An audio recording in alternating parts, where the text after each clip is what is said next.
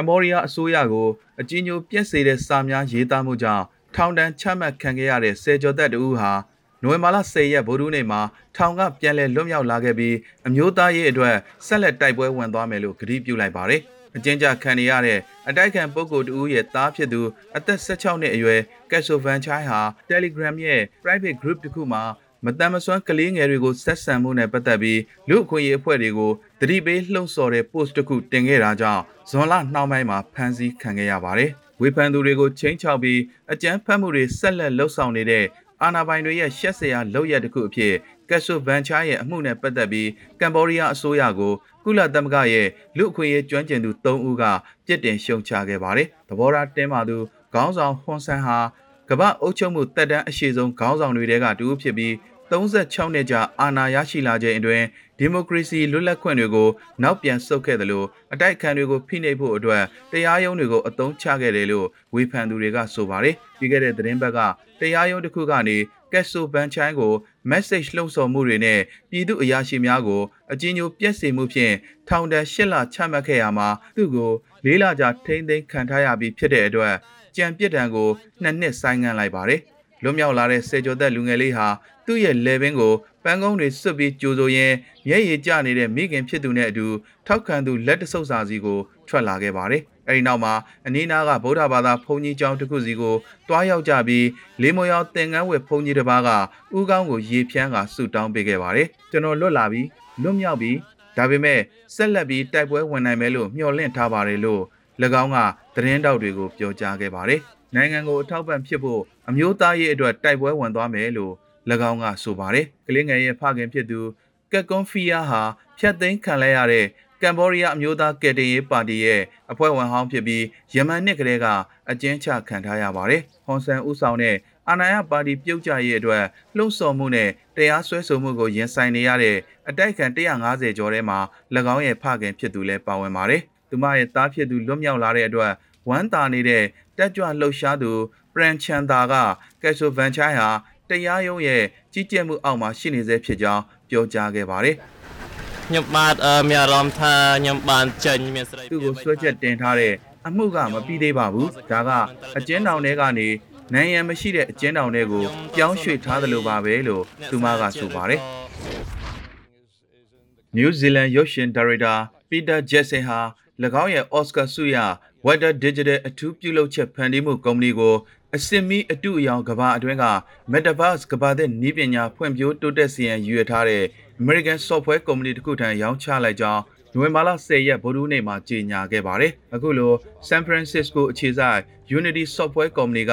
ဒေါ်လာ1.6တန်းနဲ့ဝယ်ယူမှုဟာအလုပ်နေရာတွေနဲ့ online အပြန်အလှန်ဆက်နွယ်မှုကိုအသွင်ပြောင်းနိုင်ဖို့ရည်ရွယ်ထားတဲ့ Internet 3D version တစ်ခုအဖြစ် Metaverse ရဲ့အနာဂတ်ကို ပုံဖော်ပေးမှာဖြစ်ပါတယ်။ The Lord of the Rings နဲ့ Avatar လိုနာမည်ကျော်ဇာတ်ကားတွေမှာအသုံးပြုထားတဲ့ Water Digital ရဲ့နည်းပညာဟာအလွန်လက်တွေ့ကျတဲ့ကိုယ်ပိုင်ကဘာသစ်တစ်ခုအတွင်းကိုစည်ရင်သွင်းဝင်ရောက်ခွင့်ရစေမဲ့ virtual world တစ်ခုဖန်တီးနိုင်စေမှာဖြစ်တယ်လို့ကုမ္ပဏီကပြောကြားခဲ့ပါတယ်။ဒီလုပ်ငန်းအတွက် ဥဆောင်ကရိယာတွေကိုဖန်တီးခွင့်ရတဲ့အတွက်ပီတိဖြစ်ရသလိုနေရာတိုင်းမှာရှိတဲ့အမှုပညာရှင်အားလုံးအတွက်ဆရာပီတာဂျက်ဆန်နဲ့ဝီတာတို့ရဲ့အံ့ဩစရာကောင်းတဲ့အင်ဂျင်နီယာစွမ်းရည်ကိုယူဆောင်လာရတဲ့အတွက်ဝမ်းသာမိပါတယ်လို့ Unity ရဲ့ဥက္ကဋ္ဌ John Ricky Tialo ကထုတ်ပြန်ချက်မှာဖော်ပြခဲ့ပါတယ်။သဘောတူညီချက်အရ Jason ဟာ Weather FX ဆိုတဲ့တီးခြားရုပ်ရှင်ဖန်တီးမှုကုမ္ပဏီတစ်ခုရဲ့ ပိုင်ဆိုင်မှုအများစုကိုဆက်လက်ထိန်းသိမ်းထားပေမဲ့ Unity ဟာ Wellington အခြေစိုက်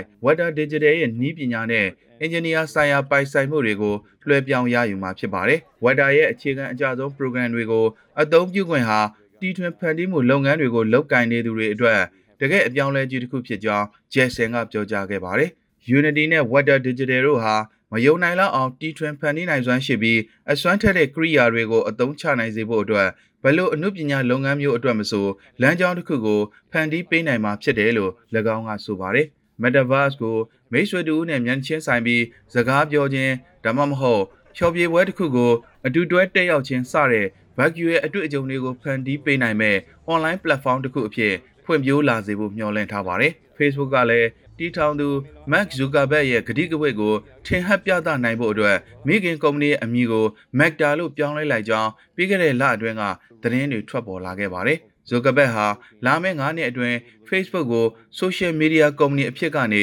Metaverse ကုမ္ပဏီတစ်ခုအဖြစ်အခြေခံကြကြပြောင်းလဲသွားမယ်လို့ဇူလိုင်လအတွင်းကဟောကိန်းထုတ်ထားခဲ့ပါတယ်။ဒီအတွက်ကြိုတင်ပြင်ဆင်ထားပုံရတဲ့ Facebook ဟာ2014ခုနှစ်မှာကတည်းက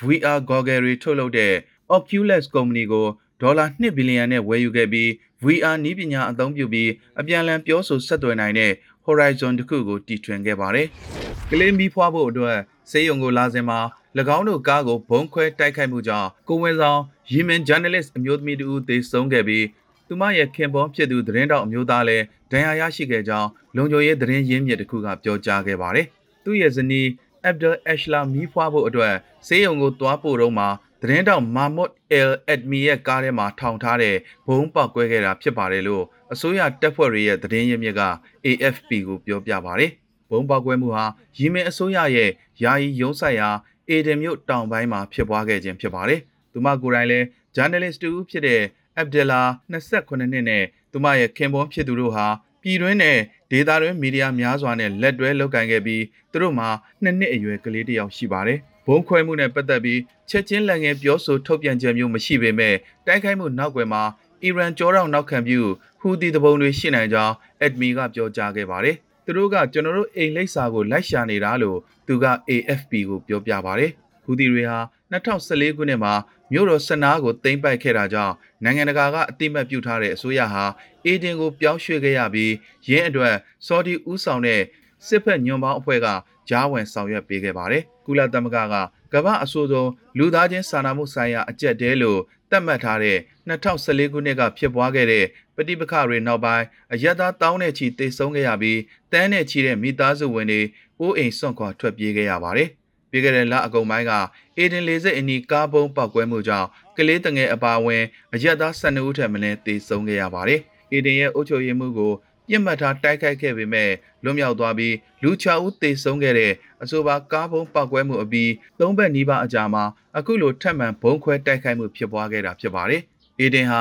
ယမန်နှစ်ကဘိုးအစိုးရကိုမရေမရာပေါင်းစည်းခဲ့တဲ့ခွဲထွက်ရေးလှုပ်ရှားမှုတစ်ခုရဲ့ရုံးဆိုင်ရာမျိုးဖြစ်ပြီးနှစ်ဖွဲ့စလုံးဟာပြည်တွင်းစစ်အတွင်းဟူသီတပုံတွေကိုပူးပေါင်းတိုက်ခိုက်နေခဲ့တာကြာပြီဖြစ်ပါတယ်။ပဋိပက္ခအတွင်းအသက်ဆုံးရှုံးရသူတွေထဲမှာယီမန်ဂျာနယ်လစ်တွေလည်းပါဝင်ပါတယ်။ AFP မှာပါဝင်ကူညီတဲ့ယီမင်သတင်းတောင်နာဘီဟာဆန်အယ်ကာဒီဟာပြီးခဲ့တဲ့နှစ်ကအေဒင်မှာပဲတနက်နဲ့ပြစ်တက်ခံခဲ့ရပါတယ်။ဒေတာတွင်းကအခြားသတင်းဌာနကြီးတွေမှာလည်းလောက်ကင်နေခဲ့တဲ့အသက်34နှစ်အရွယ်ရှိဗီဒီယိုနဲ့ဓာတ်ပုံသတင်းတောင်၎င်းဟာနေအိမ်ကထွက်သွားပြီးမကြာမီအမည်မသိအကြမ်းဖက်သမားတွေကကားအတွင်းမှာပြစ်တက်တာကိုခံခဲ့ရပါတယ်။ဟာကဒါခီးစဉ်အကြိမ်ကြိမ်ရွှေ့ဆိုင်းခဲ့ရပြီးတဲ့နောက်မှာ Elon Musk ရဲ့ SpaceX ကုမ္ပဏီဟာ Crew 3ခီးစဉ်အဖြစ်နိုဝင်ဘာလ10ရက်ဗိုလ်ထူးနေ့ညက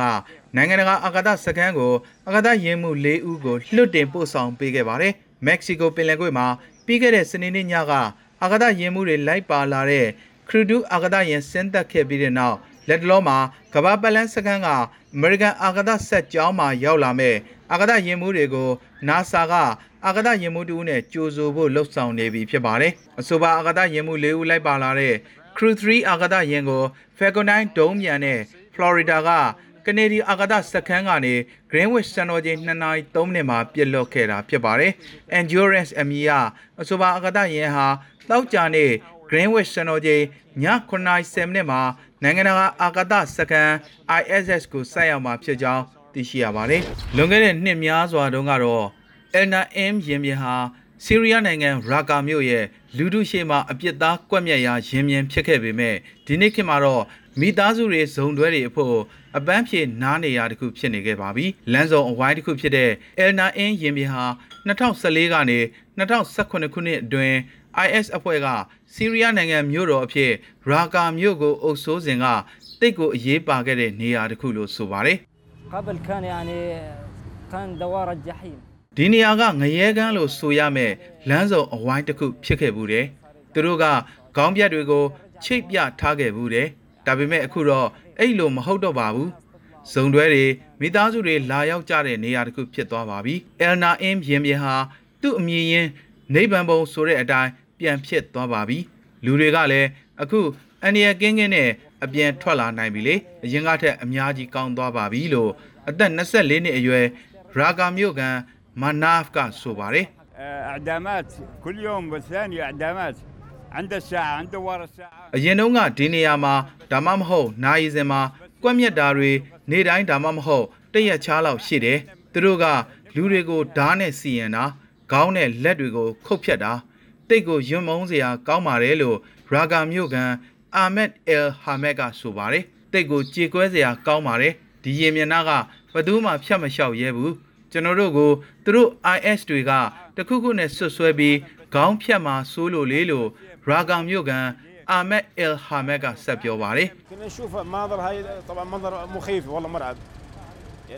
ဒီအဖြစ်တွေကအရင်ကဆိုမြင်ဘူးနေကြပဲတိတ်ကိုကြောက်ရွံ့တုန်လှုပ်เสียပါကိုရှိမှာတယောက်ယောက်ကိုတက်ဖြတ်တော်မလားလို့စိုးရိမ်နေရတာလေဒီအဝိုင်းမှာတိတ်ဆိတ်လို့ခွေးတကောင်ကြောင်တမီးမှမရှိဘူးဘယ်သူမှအနာမကက်ရဲဘူးသူတို့က ကွက်မြက်ဆရာရှိမှလူတွေကိုဒီမှာစုခိုင်းတာလို့ရာဂါမြို့ကန်အဗ်ဒယ်မာဂျစ်အဗ်ဒလာကပြောပါတယ်။ဒါပေမဲ့အခုတော့ကုံစိမ်းရောင်းသူတွေစားတောက်ဆိုင်တွေအလုတ်သမားတွေအဖို့မိတီအသက်မွေးရာနေရာဖြစ်နေပြီးဒီနေရာကအချက်ချာဖြစ်လာတော့ဒီနားမှာပဲအသက်မွေးကြရတာလို့ရာဂါမြို့ကန်အဗ်ဒယ်မာဂျစ်အဗ်ဒလာကဆက်ပြောပါတယ်။